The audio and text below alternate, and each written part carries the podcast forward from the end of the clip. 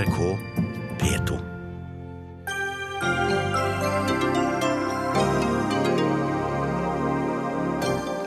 Millionlønn for fagforeningstopper svekker kampen mot Forskjells-Norge, mener Rødt. Ikke mobb LO-lederen, sier redaktør, som mener at gode ledere koster. 40 000 russiske soldater i hasteøvelse ved norskegrensen. Russland er likevel ingen trussel mot Vesten, sier forsker. Dårlig idé å heve aldersgrensen i arbeidslivet til 72 år, mener Virke, men regjeringen står på sitt.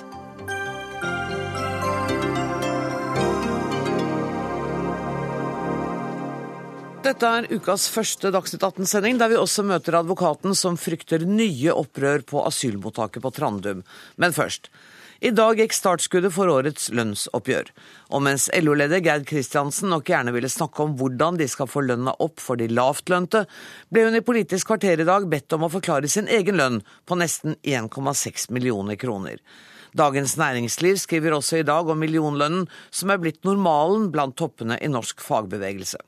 Vi skal høre hva Kristiansen sa i Politisk kvarter til kollega Astrid Randen. Vi tjener godt i LO, det, det gjør vi. Eh, de senere årene så har ikke vi tatt ut annen lønnsvekst og det har vi gjort i ettertid, når vi, når vi kjenner tallene, enn det andre arbeidstakere har.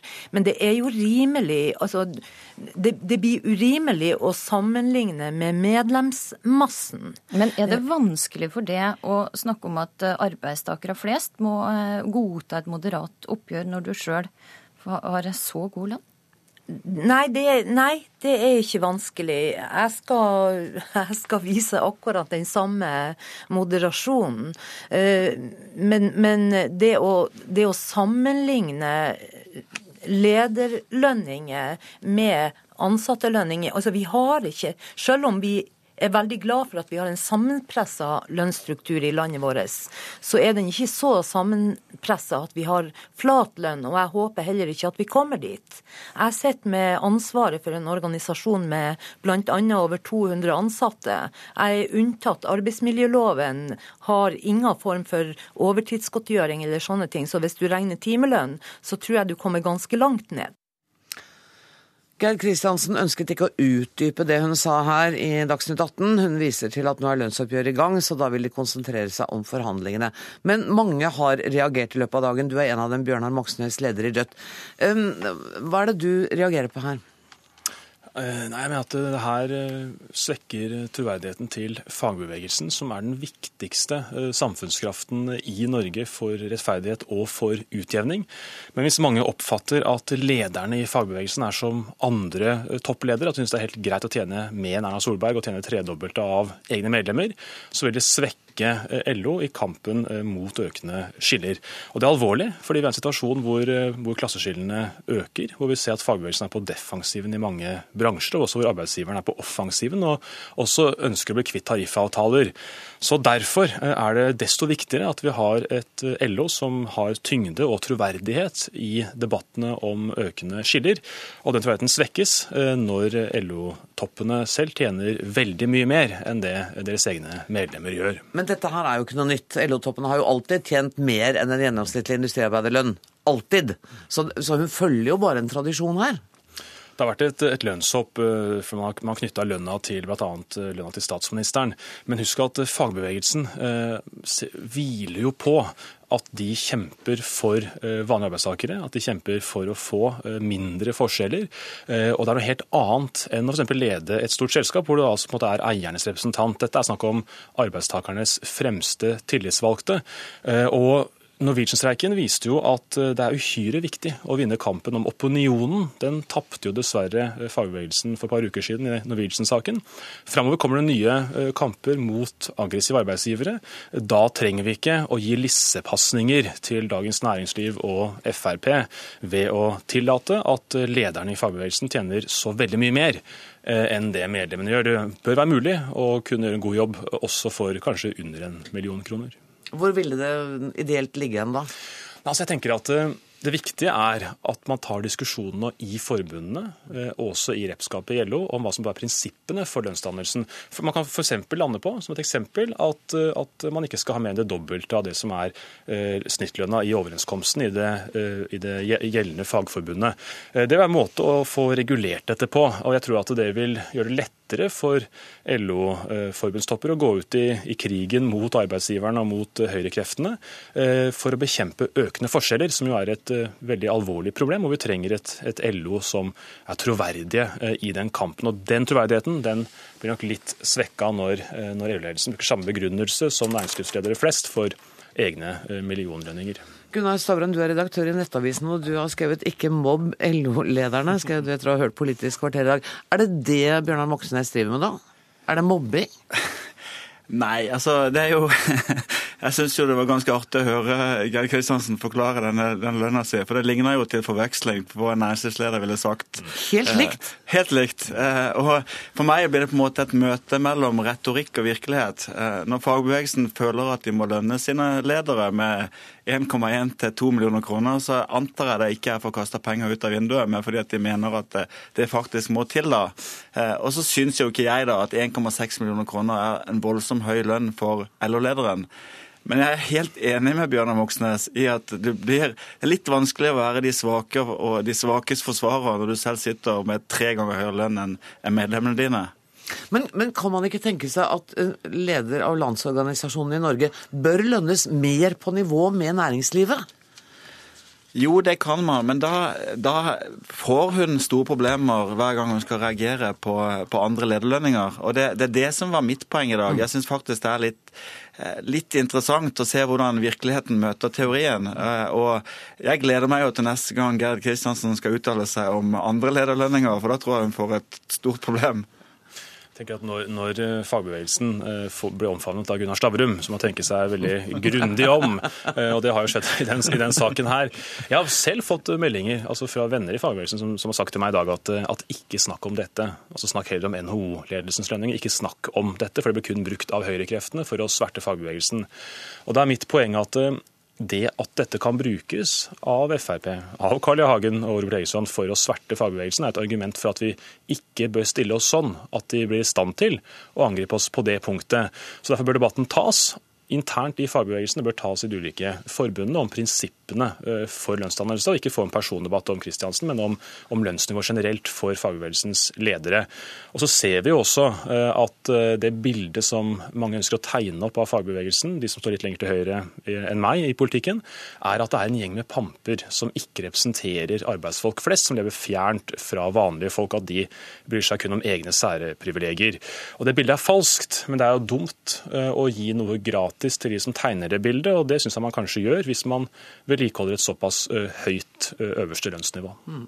Stavrum vil det også være et problem for henne, for hun var jo veldig tydelig i dag også på, det spilte ikke vi av nå, men at vi må ha et veldig moderat lønnsoppgjør nå. Sånn at der var hun og NHO-lederen veldig enige. Er det problematisk for en LO-leder i disse tider? Helt åpenbart. Jeg tror Gerd Kristiansen nok vil komme til at dette ikke var hennes stolteste offentlige opptreden. Eh, men når det er sagt, så, så mener jeg faktisk at, at 1,6 millioner kroner eh, for å være leder i LO ikke er veldig høyt. Det er ikke høyere enn en en nærmest hvilken som helst direktør har i et nokså mellomstort selskap i Norge. Så jeg ble ikke sjokkert over lønnsnivået, men jeg ble veldig overraska over begrunnelsen hun hadde for det. Eh, når hun begynner å snakke om hvor mye hun jobber og det blir ikke så mye i timebetaling, eh, så har jeg hørt det før fra, fra nokså annet hold. Ja. Og så må vi bare si at 1,6 millioner det inkluderer da også styrehonorar på drøye 300 000, sånn at den lønna hennes fra LO er ikke på 1,6. Ja, og, og, akkurat det er et poeng ja. som jeg faktisk ikke syns er formildende. For jeg syns at når du sitter i styrer som LO-leder, eh, så bør det faktisk være noe du får lønna di for å gjøre. Så jeg ville synes det var helt normalt at de styrehonorarene hun fikk, faktisk gikk til LO, ikke til henne personlig. Ok, sånn at Du mener at lønnernes hennes burde ned og være den reelle lønna, og at den skulle inkludere alt hun gjør som LO-leder? Ja, og det er helt vanlig i masse selskaper også. Hvis du sitter i styrer fordi du er direktør, så får du selvfølgelig ikke ekstra styrehonorar for hvert enkelt datterselskap du sitter i. Det, du får lønn, og det burde holde.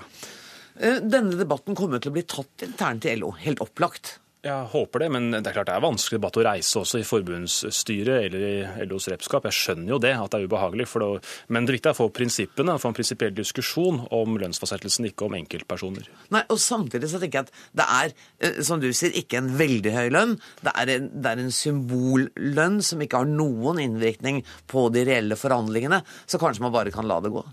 Nei, altså Problemet er jo den eh, symbolske og også politiske eh, effekten av dette. Altså Så lenge eh, lønningene er såpass mye høyere enn det medlemmene i LO tjener, så vil det bli dratt opp i oppgjør etter oppgjør etter oppgjør av Dagens Næringsliv, av Frp av Høyre, hver gang, hver gang.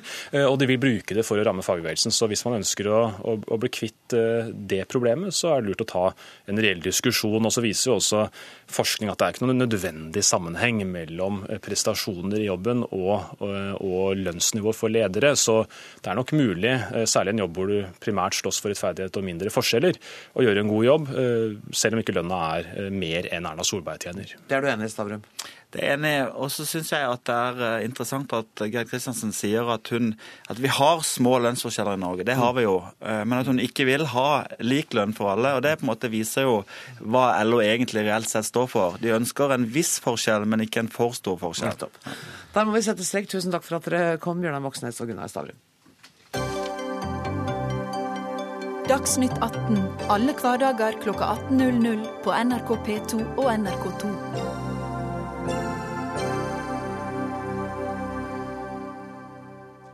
I dag er det ett år siden den russiske invasjonen på Krimhalvøya, og midt oppi det kom i ettermiddag meldinger om at russiske myndigheter har hasteinnkalt bortimot 40 000 russiske soldater til militærøvelse i nordområdene. Øvelsene skal foregå rett ved grensen til Norge og skal omfatte bl.a. 41 krigsskip, 15 ubåter og mer enn 10 fly og helikoptre. Alt ifølge nyhetsbyrået RIA. Morten Jentoft, du er eh, NRKs Russland-korrespondent på Oslo-besøk. Hva mer vet du om denne øvelsen? Jeg tror det er viktig å, å, å, gå inn i hva slags type øvelse dette er, altså for ikke å rope ulv kanskje for sterkt. her. Altså, okay. Det, det, dreier seg om en beredskapsøvelse. Dette her, Russerne har gjennomført den type øvelser i flere distrikter Eh, i løpet av det siste halvåret. Det var en stor øvelse bl.a. i Stillehavsregionen først. Eh, nå gjennomfører man da eh, en lignende type øvelse også da i norske og nordiske nærområder. Altså Det er en beredskapsøvelse. Man tester ut hvor raskt kan man komme, kan du si, få skipene ut på, på sjøen, gjøre styrkene kampklare. Og, men samtidig så er det selvfølgelig også et politisk signal. Det er det også. Alle den type øvelser er politiske signaler, akkurat som eh, denne er det Joint Viking den heter, denne øvelsen som Norge nå gjennomfører i Finnmark. Men, det, er også et, det er også et politisk signal. Sånn jo, at, uh, men hvorfor tar Russland en, en beredskapsøvelse akkurat mens ja, vi holder på med Det er klart at det er politikk. Det er ja, politikk, og ja. det kan eh, være et svar bl.a. på Joint Viking. Det kan være et svar også på den økte Nato-øvelsesaktiviteten bl.a. i Baltikum. Mm. Det ser vi også på kommentarer i russisk presse. Sånn at dette er politikk. Vi skal komme tilbake og snakke mer om krim. Jeg skal bare ta en liten runde på denne øvelsen. Borgla Pedersen, statssekretær i Utenriksdepartementet. Jeg prøvde å lese meg opp i dag på disse varslingsavtalene og sånn. Men som Morten sier, når det er en beredskapsøvelse, så gjelder ikke denne 42 døgns varslingsavtalen, ikke sant? For det første så er det jo sånn at Alle land har rett til å øve sine militære styrker. Vi gjør det, og Russland har også rett til det. Men så har vi en gjensidig avtale om, eh, om varsling. Eh, som det er noen kriterier for. Hvis det er en viss størrelse et visst omfang, så skal det varsles. Nå har jeg sett disse medierapportene i dag, men vi må jo legge til grunn at Russland vil varsle i tråd med de avtalene de har, dersom øvelsen er et omfang og en innretning som gjør at den skal varsles. For dere er ikke varsla? Nei. Men dere er helt rolige? Ja, altså vi, vi, må legge til grunn at de eh, følger de eh, forpliktelsene som de har til å varsle. Jeg mener at det er mange grunner til bekymring for den politiske utviklinga i eh, Russland. Eh, men det at de også øver sine styrker, det har de rett til. Og så har vi sett disse medierapportene, og så må vi avvente at vi får mer informasjon om dette. Og så må vi være tydelige på at vi forventer at de har forholdt seg til de forpliktelsene de har til å varsle. Men dere er helt rolige? Altså, vi, vi, er rolig på det og har sett i rapportene som er, og så får vi forvente at de forholder seg til de forpliktelsene de har. Men, men, men, som jeg sier, så mener jeg at det er mange grunner til å være bekymra for den politiske utviklinga i Russland. Og det er jo en av de største og viktigste utenrikspolitiske sakene som vi har å håndtere, og som vi stadig får muligheten til å komme hit og snakke om, heldigvis. Helge Lurås, du er leder ved Senter for internasjonal strategisk analyse, SISA. Hvordan forstår du denne, denne øvelsen? Nei, altså Jeg deler det de foregående har sagt her. Jeg tror ikke det er noe ekstraordinært eh, signal egentlig Russland ønsker å sende, men de er nok eh, fullt oppmerksom på at det får oppmerksomhet, og er nok for så vidt også glad for at uh, vestlige land blir på en måte satt på en viss prøve i forhold også til sin egen retorikk og sin egen eskalering av øvingsaktiviteten. For det her viser jo kanskje også for Norge at når først Russland faktisk mobiliserer, mm. så er det betydelige styrker det er snakk om. Mm. Så det kan også være et svar på Nato-retorikken, dette her?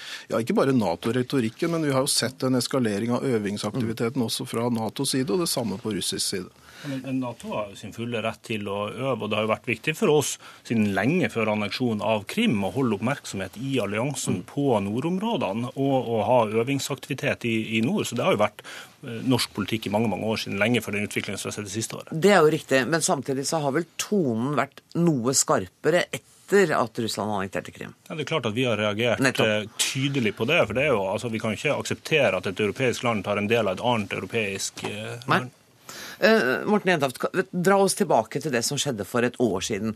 For det stemmer vel altså Jeg har sett noen rapporter om at Putin har innrømmet at han ville annektere Krim før valget. Ja da, altså eh, Det som kommer frem nå Nå er det jo bl.a. presentert en dokumentar på russisk TV da, om disse tingene. Eh, der blir det sagt da at avgjørelsen om å sette i gang en operasjon på Krim, den ble tatt da eh, Viktor Janukovitsj, altså den lovlig valgte ukrainske presidenten, ble presset ut av presidentkontorene i, i, i Kiev av demonstrantene på Maidan. Da bestemte man seg for å sette i gang en operasjon. Vi vet selvfølgelig det at dette var også tanker som nok var eh, tenkt tidligere, også i Russland. Det er det jo ingen som helst slags tvil om. Man setter ikke i gang en sånn operasjon over natten. Man var nok eh, klar da til at dette kunne være et scenario. Så, scenario. Så, men, eh, den, eh, men, Putin sier da selv at selve vedtaket om å sette i gang da denne operasjonen, sende inn eh, soldater eh, uten merker på, på, på skuldrene, mm. den ble tatt da da Janukovitsj da ble eh, tvunget ut av, av presidentkontorene på, eh, i Kiev. Og dette kommer til å vare.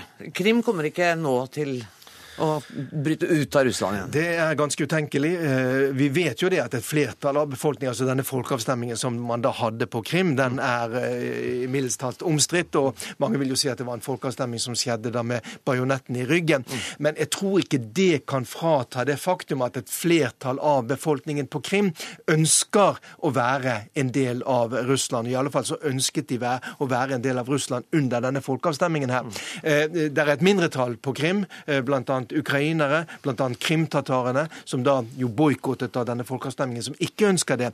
Men et flertall av befolkningen på Krim eh, ønsker nok, også om det hadde vært en, en helt fri folkeavstemning, eh, eh, ville nok stemt på samme måten og sagt at de vil være en del av Russland. Lurer oss, Hvor alvorlig er situasjonen? Nei, altså, jeg, jeg, tror, det er klart Ser vi på retorikken fra en del vestlige ledere, også det som kommer fra Russland, så kan man overbevise om å tro at situasjonen er relativt alvorlig. Men strengt tatt, gitt den globale situasjonen vi har, så har både Russland og Vesten bekymringer og problemer andre steder, og en god del fellesinteresser.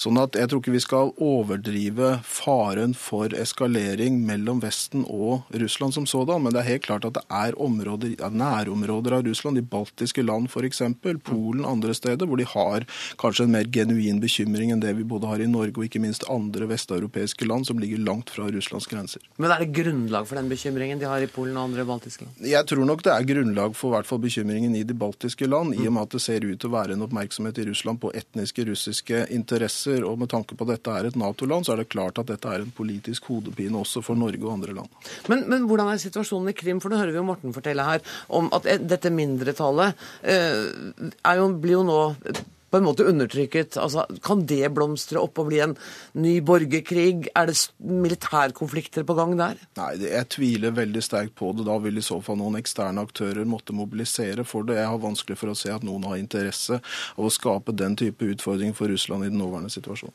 Glad Pedersen, eh, deler du disse analysene? Nei, jeg mener at det er utrolig viktig at vi ikke bagatelliserer betydningen av den utviklinga som vi, vi, ser. Og dette handler ikke om uh, Krim. Går du et drøyt år tilbake, så, så, var det ingen i Russland heller som snakka om Krim. Og det er ganske ny, nytt at uh, Russland også har bekrefta Krim som en del av uh, Ukraina. Dette handler dypest sett om at Ukraina, ethvert land, Ukraina inkludert, har rett til å velge sin egen politiske linje. Det var det det sto om på Maidan. Det sto om retten til å vende seg mot Europa. Det sto om Eh, korrupsjon og ukultur i et politisk system som befolkninga var eh, lei av, og ukrainernes selvsagte rett til å velge en politisk kurs på samme måte som Norge gjør det. Og Når Russland ikke gir den retten, så handler det ikke om bare om Ukraina. Det handler om det skal være sånn at stormaktene gjør det de vil, og småstatene gjør det de må. Det handler om det skal være den sterkestes rett, eller om det skal være internasjonal lov og rett som, som gjelder. Og Det er derfor veldig viktig at vi står sammen sammen med partnere og allierte i å reagere på disse folkerettsbruddene som vi har sett. Kan vi med denne måten å snakke på være med på å eskalere konflikten? Eller? Ja, altså Denne måten å snakke på er jo kanskje det som har vært grunnlaget for den paranoiaen Russland har hatt egentlig helt siden 90-tallet i forhold til en ekspansjonsiver på vestlig og Natos side. Uansett om man mener det er grunnlag for den paranoiaen eller ikke, så er det sånn de har sett på det. Og Det å sette en veldig sånn prinsippfast eh, på en måte posisjon i forhold til det, med tanke på også at dette er Russlands nærområder, at Russland har en eskaleringsfordel her, det står mer på spill for Russland enn det gjør for Vesten, så har man si, utsiktene til å sette seg selv, selv i en situasjon på vestlig side hvor man ikke klarer å følge opp den retorikken som har vært så påståelig med å holde nå de siste månedene. Jeg, jeg synes Det er helt utrolig nesten at du gjør dette til et spørsmål om retorikk på, eh, på vestlig side. Det er altså Russland som har valgt å ta en del av et annet europeisk land. Det er Russland som har bidratt til en destabilisering i Øst-Ukraina, som dypest sett handler om Ukrainas rett til å ta eh, politiske valg. Eh, det er ingen som har tvinga noen land til å bli med i Nato, til å bli med i EU. Det er land som sjøl har valgt en eh, politisk kurs, og EU og Nato har eh, tatt inn nye medlemmer eh, som har ønska det, og som har gjennomført reformer for å få til det. Det har bidratt til eh, fred og stabilitet. Men nå er Krim tatt. Hadde det ikke vært naturlig å da være litt mer pragmatisk? Jeg mener Det er utrolig viktig at Russland nå eh, følger den Minsk-pakken som de sjøl har akseptert at de skal. Et prisverdig initiativ av Angela Merkel og eh, Hollande å ta nå et diplomatisk initiativ for å finne en vei ut av dette, som innebærer en våpenhvile, som innebærer at tunge våpen flyttes fra grensa, som innebærer reformer i Ukraina, og at Ukraina får kontroll over grensa. Det viktigste nå er at dette følges opp, og at vi støtter Ukraina i deres reformagenda. Uh, Morten, jeg har lyst til å bare høre en kort analyse fra deg også i forhold til den lille debatten du har hørt nå mellom disse. Ja, altså, Nå må vi skille mellom Krim og Donbass her, da, som du kanskje blandet litt sammen her. da. Eh, fordi at eh, Mange mener jo det, og det er mange som jeg har snakket med også, mener det at eh, Krim i realiteten er en, eh, en tapt sak, selv om man prinsipielt hever fanen og sier det at dette var en ulovlig annektering. Mm. Så virker det jo som om eh, man fra Vestens side her er inne på et inne, villig til kompromiss. Mm. Det interessante nå blir jo selvfølgelig å se hva Russland bestemmer seg for å gjøre når det gjelder å følge opp denne Minsk 2 avtalen eh, Vil de gå inn for at det nå skal bli f.eks. Eh, lokalvalg i Donbas, Donbass, i de separatistkontrollerte områdene, som jo skal følges opp igjen med å gi ukrainerne kontroll over grensen da mellom Russland og, og Ukraina. Så det blir jo det spennende å se. Det blir det spennende å se, og Da må jeg invitere dere tilbake, for nå rekker vi ikke mer akkurat nå. Tusen takk for at dere kom, Morten Jentoft, Helge Lurås og Bård Glad Pedersen.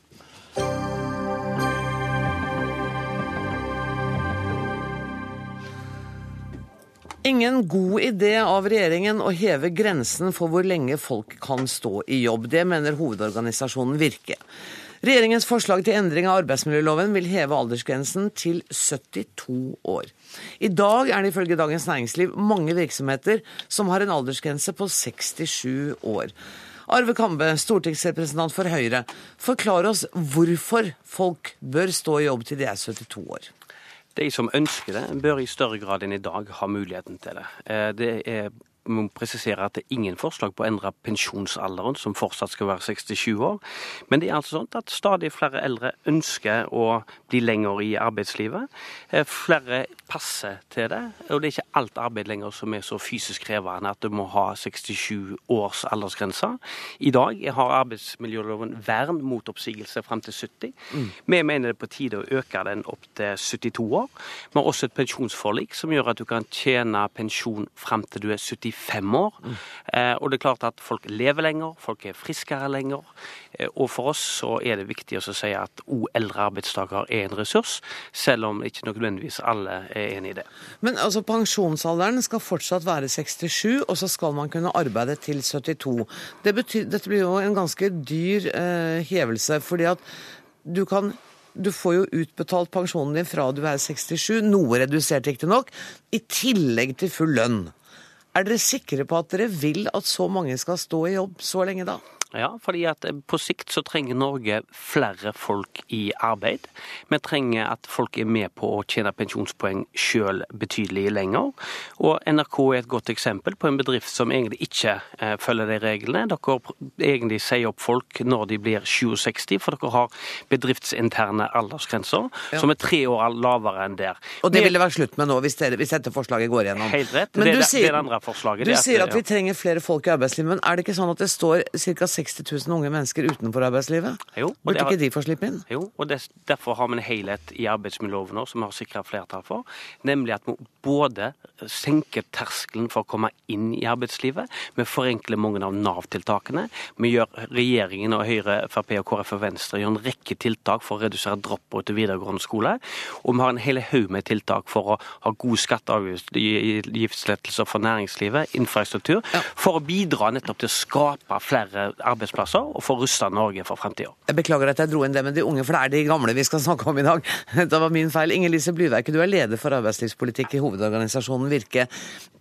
Er ikke dere også interessert i at godt voksne mennesker skal stå i arbeid lenger?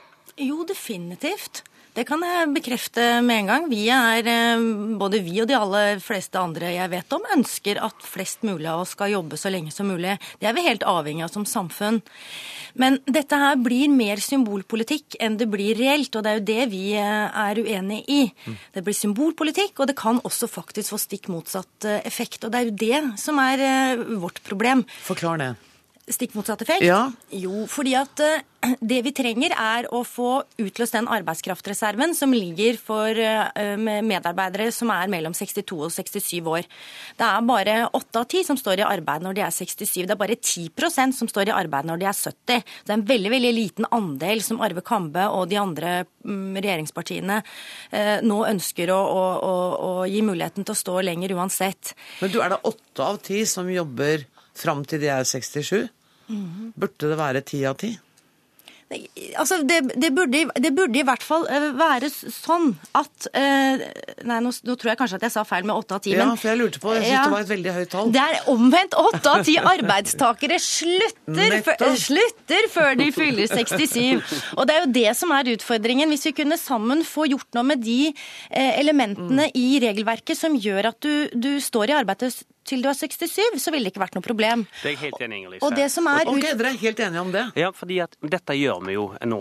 Og etter pensjonsforliket så er det flere nå som kombinerer uttak av pensjon med å jobbe ved siden av. Det er kjempebra. Ja, er det det? Det er jo kjempedyrt for samfunnet. Nei, Hvis det... alle skal holde på til de er 72. Og, det, nei, det er jo ikke kjempedyrt at folk jobber. Det er faktisk kjempe Og får pensjon ved siden av? Ja, men det er jo fordi at folk lever lenger og skal også pensjon.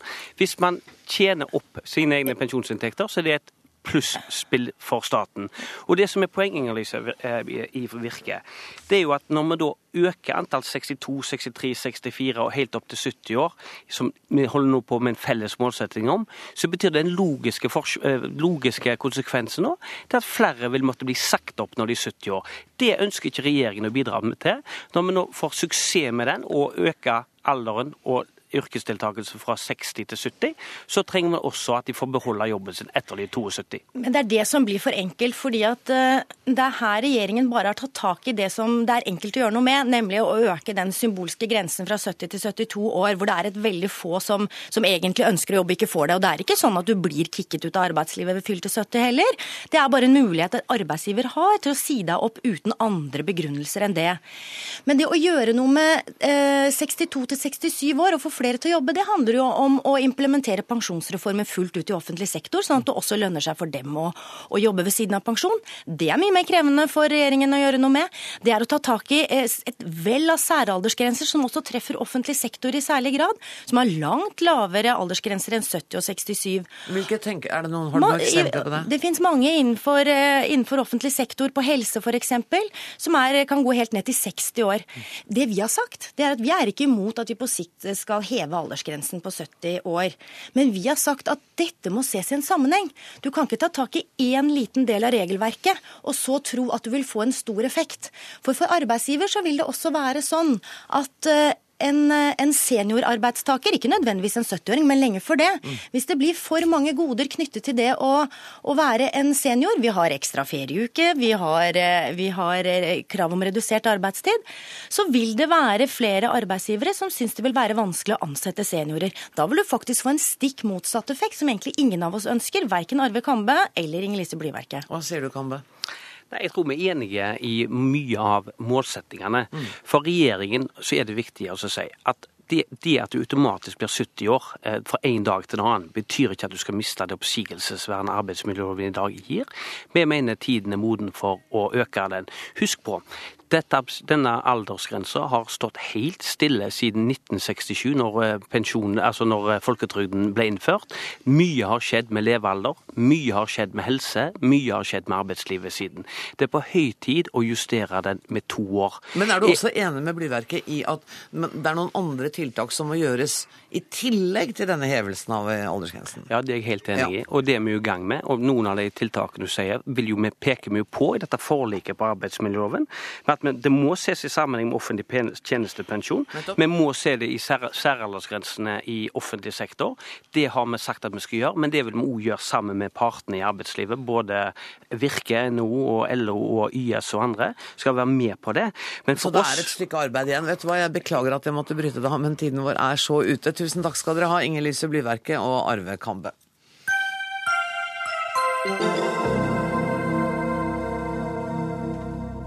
Norske veier, jernbane og offentlige bygninger forfaller ifølge en ny rapport fra Rådgivende ingeniørers forening.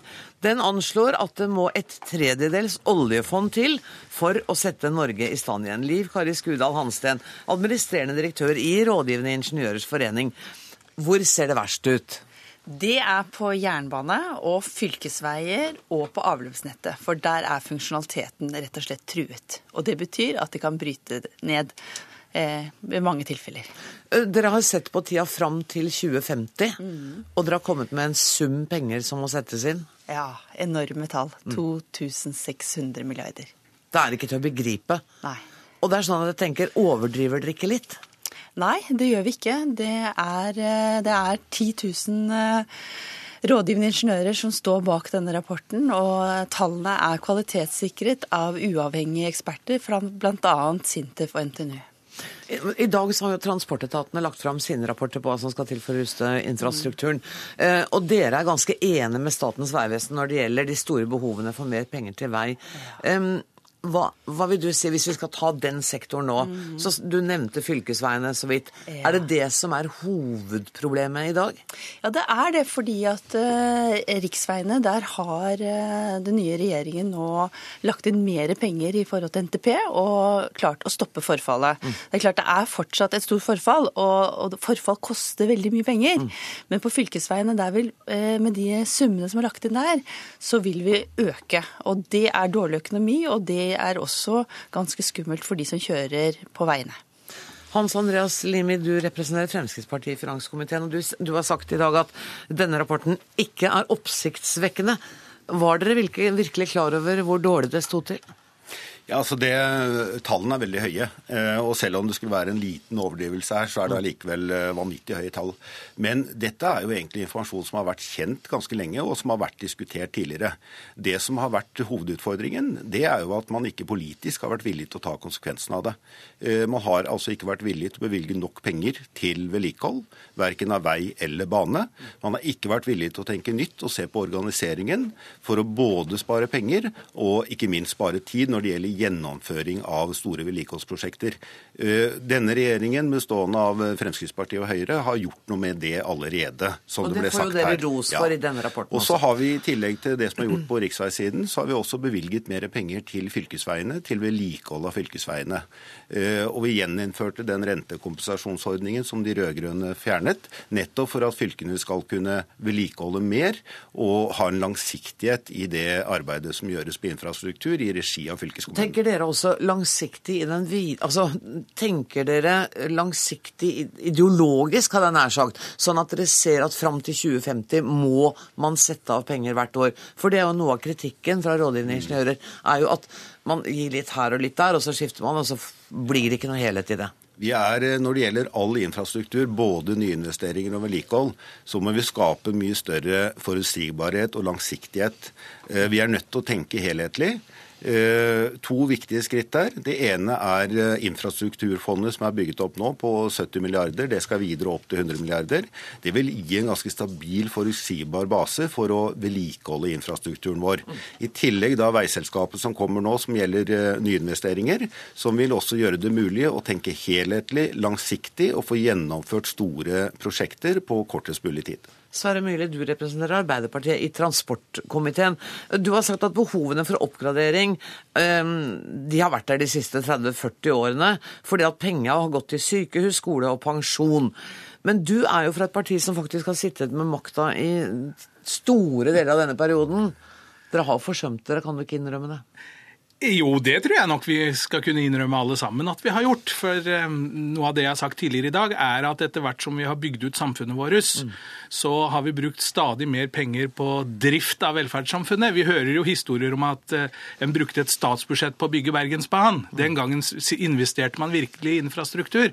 Og ja, det er riktig, men nå bruker vi offentlige midler på så veldig mye annet. Skole og sykehus og helse og trygder og pensjoner og kontantytelser og hva det måtte være.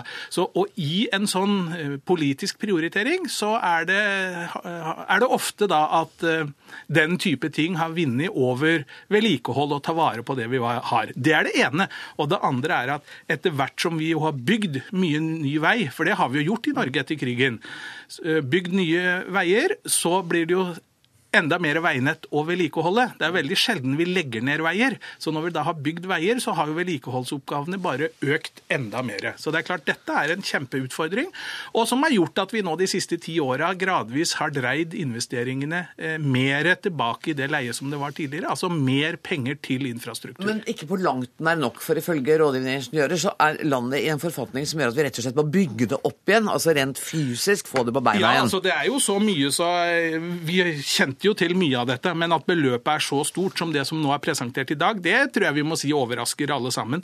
Men, men jeg gjentar jo at uh, i, i, år etter år vedtok Stortinget nasjonale transportplaner, tidligere vei- og veitrafikkplaner og jernbaneplaner, eh, men det er først nå de siste åtte-ti åra at det har vært samsvar mellom hva Stortinget har vedtatt i planer, og hva Stortinget faktisk har bevilga i investeringer og, og til drift. Så, så det har skjedd et skifte nå. Nei, da, absolutt, absolutt ikke lyst til å spørre dere begge to. I disse omstillingstider som vi nå er inne i, hvor vi må satse mer på fastlandsøkonomien fordi oljeøkonomien kanskje kommer til å gå ned.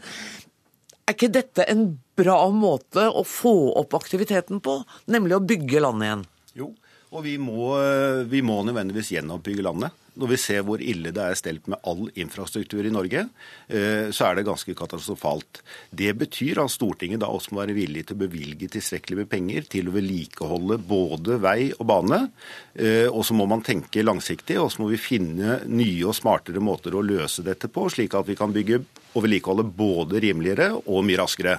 Det er du helt enig i, ikke sant? Ja, det er jeg enig i også. og- Men, men så, det er klart, vi har en, det er vanskelig for alle politikere, ikke sant? for det, det er mye artigere å bygge nytt. Mm. Det er mye artigere å åpne en ny skole enn å, enn å legge nytt tak på den gamle skolen. Det er mye artigere å bygge ei ny bru enn å skifte dekke på den gamle brua. Men da må jeg si, bli voksne. Ja da, så det er det noe med trengs. bevisstheten også, Ja. at, vi, at vi hele tida er veldig opptatt av nye ting, mens vi nok ikke har vært nok opptatt av å ta vare på det vi har. Men, og og vi, Dere har altså sett på fram til 2050, og det var 2600 milliarder. altså Det er et begrep som er helt utrolig. Men hvorfor skal vi stole på den rapporten fra rådgivningsstyret? For dere er jo interessert i at politikerne skal bruke penger nettopp på dette her. Ja, men nå ligger det i det å være en rådgivende ingeniør. Da skal man gi objektive råd som vi selv ikke økonomisk tjener på. Og eh, utfordringen faktisk i dag er jo at det på de områdene som er, det står mest kritisk til, altså på jernbane og på veisiden og på avløpssiden, altså kloakk, så har vi altså lite fagfolk. Sånn at eh, det blir på en måte en ekstra utfordring knyttet til dette. Jeg vil kommentere også litt i forhold til dette med drift. fordi at eh, En ting er forfall, det ser stygt ut osv., men det får jo også konsekvenser for det som skjer i byggene og eh, på sykehusene f.eks. på veiene. Fordi forskjellen med en godt vedlikeholdt vei og en dårlig vedlikeholdt vei kan være forskjellen mellom liv og død. Eh, hvis fy, eh, sykehusene ikke fungerer, vi vet at de er lite arealeffektive, det er dårlig inneklima, så går jo det utover pasientene. Sånn at det blir dyrere å drifte, og det går utover enkeltpersoner. Hvor mye haster det? Jeg mener at vi må ta grep nå, og som du også påpekte, eh, handlingsrommet nå både finansielt og også i forhold til kunnskap om det at det frigjøres flinke ingeniører fra oljeindustrien, gjør at vi bør bruke dette handlingsrommet. Men du, det er en ting jeg lurer på, for dere kom med en tilsvarende rapport for fem år siden. Og da var etterslepet på hva da, 800 Stemmer. 800 milliarder. Og nå er det på 2006 på fem år? Tre ganger så stort. Hvordan er det mulig? Det er mulig fordi at eh, etter at vi gjorde vår første rapport, så begynte etatene mer å, å, å undersøke, slik at vi har enda grundigere tall. Vi visste at tallene var konservative, men vi kunne ikke gå ut med høyere tall den gangen. Og så vet vi også at klimaendringer gjør at eh, det forfaller raskere. Og vi har også en større krav til sikkerhet. Vi vet med terror og andre sikkerhetsbiter, og vi vet også at befolkningen øker mer nå. Så det, det er mer krevende. Vi bor i byer og, og, og videre. Det er, jo, det er jo politiske prioriteringer som må løse opp i dette. Altså, Hvor velger vi å bruke de store beløpene framover? Hvor ønsker vi å bruke fellesskapets midler? Og det er ikke tvil om at vi må bruke mer på infrastruktur. Hadde jeg vært dere gutter, så hadde jeg vært litt engstelig for de store forpliktelsene som nå ligger foran meg. Men det som er litt beklagelig, da, at ikke de som satt med regjeringsmakten Nei, forrige ikke- gang denne rapporten kom, var villige til å ta og gjøre de prioriteringene og virkelig satse. Jo, men det er jo økt økt betraktelig de siste åra, da. Det er først Veiinvesteringer det er og år, Hvis jeg får lov til å snakke ferdig, Sverre. Det er først i år at eh, vedlikeholdsetterslepet begynner å tas igjen gjennom økte bevilgninger. Eh, Det kommer til å ta lang tid, men vi har i hvert fall startet noe som er, er positivt og som skal gi resultater. Men vi er nødt til å, vi skal ikke skylde på de som eh, satt før oss, men vi er nødt til å lære av de feilene som ble gjort, sånn at vi ikke gjør det igjen. Og Det er liksom hovedbudskapet her, tror jeg, at vi er nødt til å ta dette innover oss, og så er vi nødt til å prioritere for å løfte dette opp på den politiske agendaen. Og med den optimistiske tonen så er jeg nødt til å hive dere ut av studio, for det venter andre på å komme inn. Tusen takk for at dere kom, Sverre Myrli, Liv Kari Hansten og Hans Andreas Limi. Hør Dagsnytt 18 når du vil. Radio NRK NO.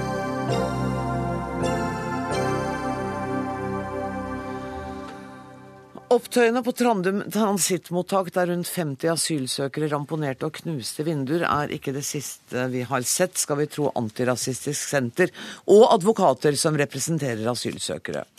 Utstyrt med skjold og gassmasker skal polititjenestefolk ha brukt omtrent én time på å gjenvinne kontrollen. Um, Sulifkar Munir, du er advokat og representerer så vidt jeg vet, elleve klienter som sitter der. Um, du har vært på Trandum i dag, har du ikke det? Ja, jeg har vært på Trandum i dag og snakket med flere av klientene mine for å prøve å få et innblikk i hva som egentlig skjedde der oppe. Nå har jo media ikke fått tilgang til, eh, til å komme inn der og se. Jeg har heller ikke fått sett eh, inneområdene, bortsett fra disse advokatrommene. Og Derfor så følte jeg at det var viktig å, å få snakket med dem for å få vite hva som skjedde der, fra de som var med på det. Og fordi at dine klienter var også med på Ja. dette opprøret. Ja. Eh, Hva forteller de? Eh, De forteller at dette startet eh, ikke som et organisert opprør, men eh, det startet ved at noen ute i luftegården begynte å protestere og kaste noe stein. Og flere og flere sluttet seg til, og etter hvert så utviklet det seg til at de fikk tak i bordben og, og begynte å slå rundt på alt mulig der inne. Og det endte med at eh, den ene avdelingen slo seg sammen med den andre avdelingen, og den tredje kom til, så de var omtrent 50 mann til slutt. Så det eskalerer? Ja, det eskalerte. Vil du si at dette var en politisk demonstrasjonshandling, eller var det uttrykk for frustrasjon? Det var eh, uttrykk for frustrasjon, okay. slik jeg ser det.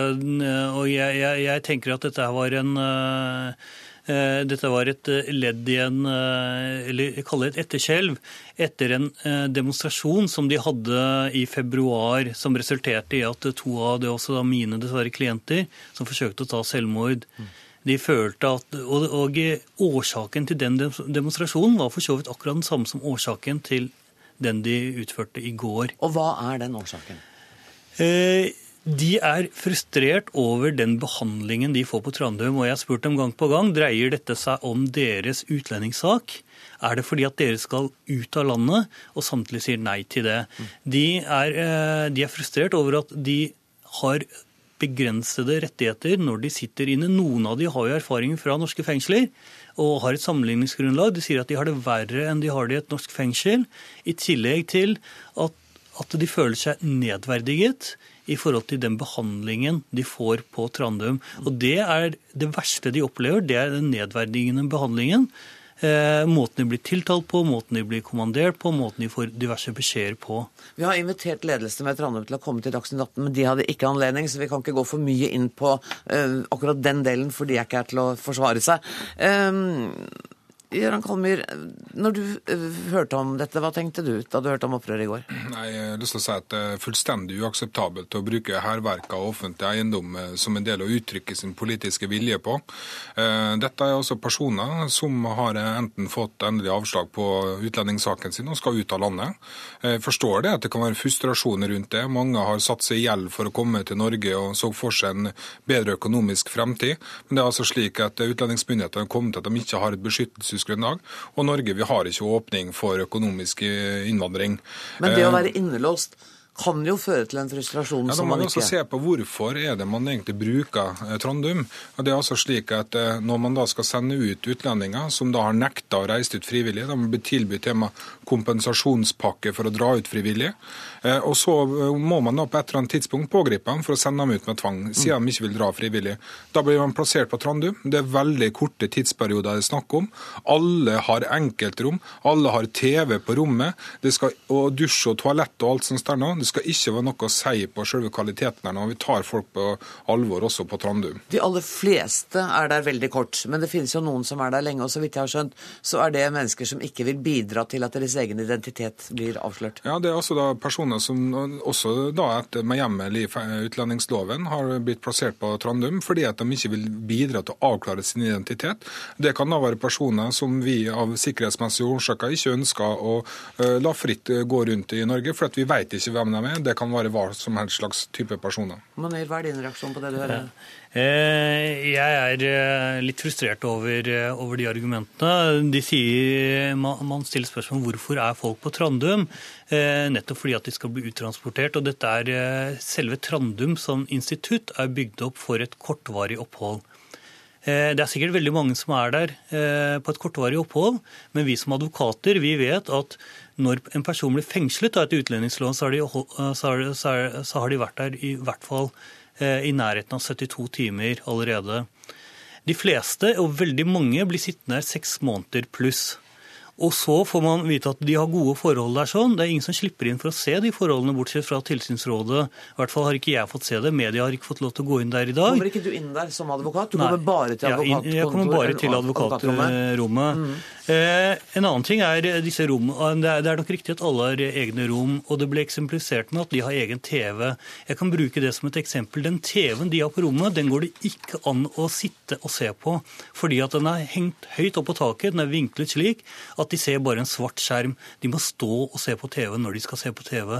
Dette er enkle ting. Man kan vinkle TV-en annerledes. Man kan, man kan gjøre, ja, man kan, man kan gjøre enkle grep som det virker, virker som om det mangler vilje til å, å gjennomføre. Er det sikkerhetsgrunner til at fjernsynet er hengt så høyt opp? Er det for at man ikke skal knuse det, eller? Jeg tror det, vi er på noe på detaljnivå jo, men det er morsomt. Eh, morsomt. Hvis det, det er en del av frustrasjonen, Det kan godt tenkes kan at det er nettopp det. Og vi ja. hører jo eh, at eh, det, det med hærverk på Trandum er jo en kjent problemstilling. Og mange av de sikringstiltakene som blir gjort på Trandum, er jo nettopp pga. hærverk. Men så er det slik at uansett hvor, hvordan TV-en er hengt, eller hvordan du må vinkle for å kunne se på den, så er det ingen grunn til å gjøre hærverk på offentlig eiendom. Og det er helt uakseptabelt det at man skal bruke eh, hærverk og demonstrasjoner på den måten her nå eh, for å markere sitt politiske syn. Og så har jeg lyst til å bare si det at altså, Gjennomsnittlig tid på Trandum er også åtte og en halv dag. Oh, ja. Så det er For jeg ikke, hørte seks måneder. Ja, jeg måtte også reagere litt ja. på det. For det er ikke slik at de fleste sitter da i seks måneder. De fleste kommer inn der nå for en kort periode. Og grunnen til at de havner på Trandum, det er fordi at hvis man hadde gått for uttransportering uten at de hadde vært der først, ja, så ville de stukket av fra politiet og unndra seg uh, uttransportering tilbake igjen til hjemlandet. Det går rett og slett ikke an. Nei, det skjønner jeg. Tida løper veldig fort her. Men kan ikke jeg bare få spørre hvorfor Hvorfor slipper ikke advokaten inn i områdene? Hvorfor må han bare være på advokatrommet? Det er som sagt en vurdering som eh, de på Trandum har gjort, eh, som ikke har noe innsyn i akkurat nå. Så det er litt vanskelig for meg å kommentere her på stående fot. Er det flere enn deg som, av advokatene som opplever Er det ingen advokater som slipper inn? Jeg, jeg har holdt på i 15 år. Eh, i denne bransjen. Jeg har aldri fått komme inn i andre områder enn advokatrommene. Okay. Men, men ja. Jeg vet hva, Vi er nødt til å sette strek, men dette er jo sikkert noe som Kalmyr kommer til å se nærmere på. Vi har et eget tilsynsråd som i hvert fall kommer inn kommer overalt, inn og, og, som sikrer at alt er i orden. Tusen takk for at dere kom til Dagsnytt 18, Göran Kalmyr og Suleikar Munir.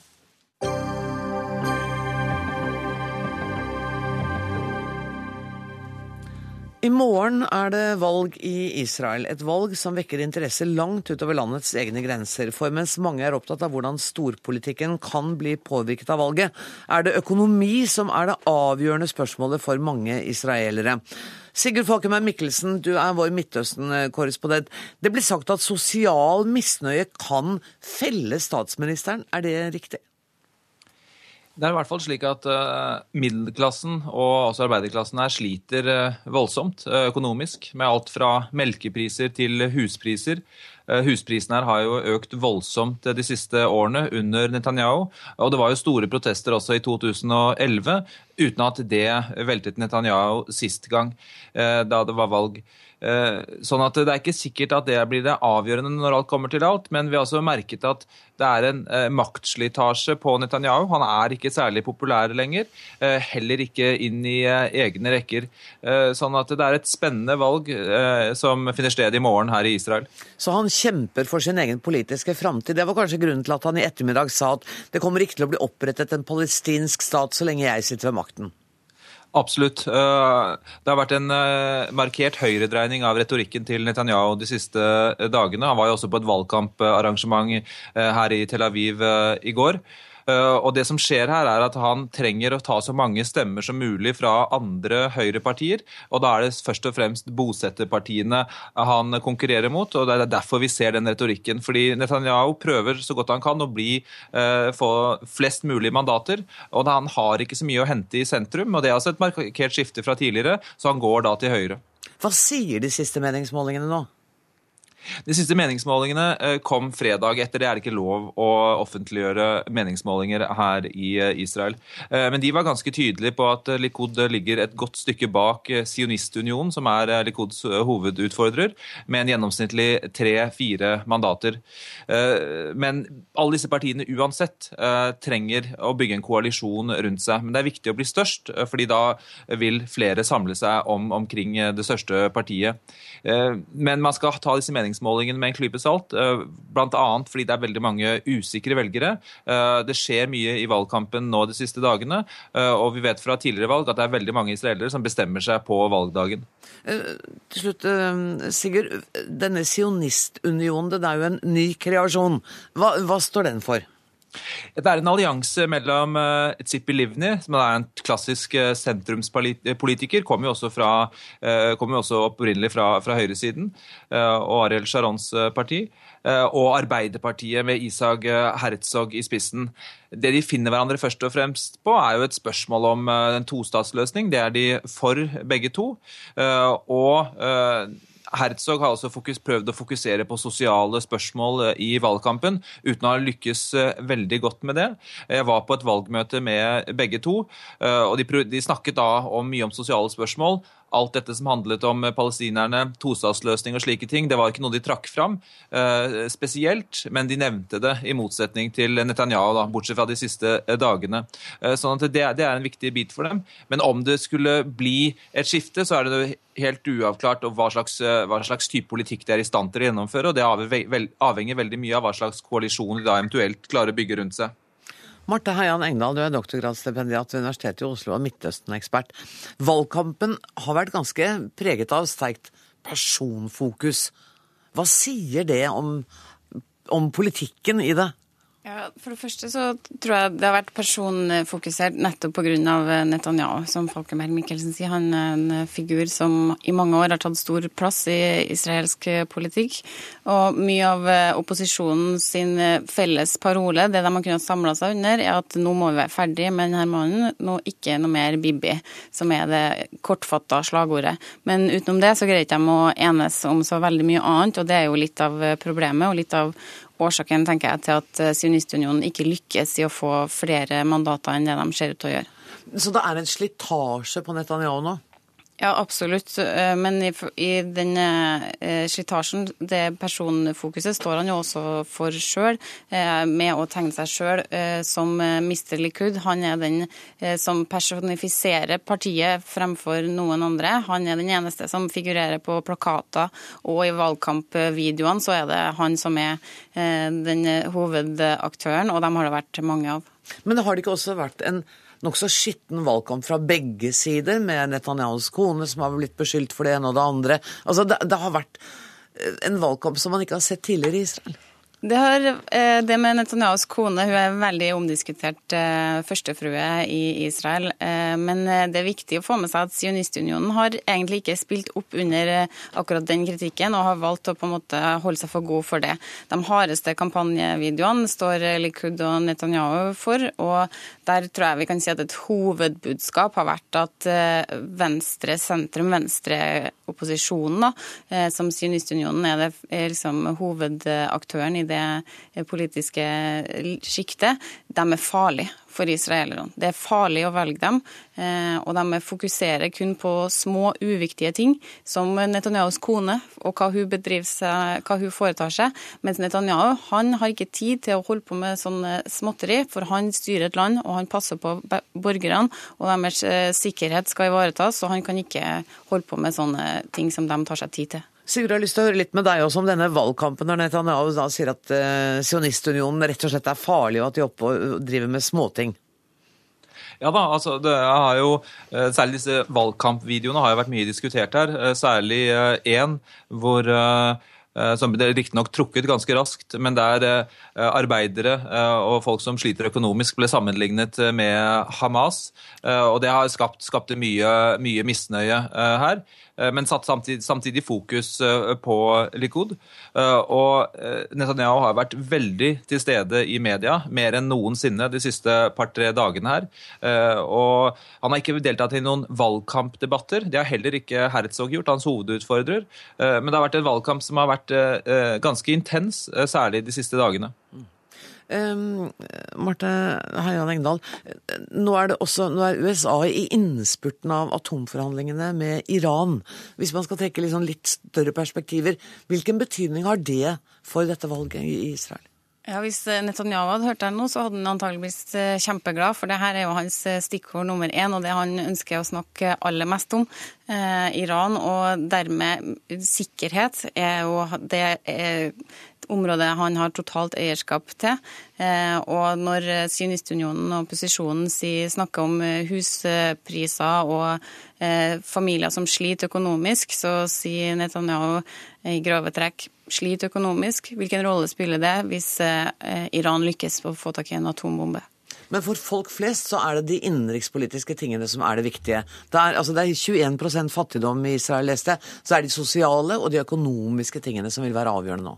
Det er klart at det er viktig for israelske velgere som for alle andre velgere. Det er de nære ting.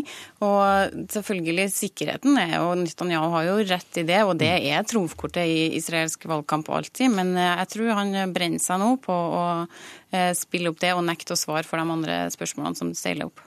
Sigurd har tenkt å gi deg ti sekunder helt på slutten av sendinga. Ja. Veldig bra. Det, det, jeg skulle si om Iran, er at den følelsen av eh, isolering eh, som mange israelere på sentrum- og venstresiden har, det har også vært et viktig valgkamptema. De er opptatt av forholdet til USA og til Europa. Tusen takk for at eh, du var med, Sigurd Falkenberg Mikkelsen. Takk også til Marte Heian Engdahl. Dermed er Dagsnytt 18 slutt denne mandagen. Ansvarlig for sendinga i dag var Ida Tune Ørritsland. Det tekniske ansvaret har Marianne Myrhol. Jeg heter Anne Grosvold, og vi høres og sees igjen i morgen.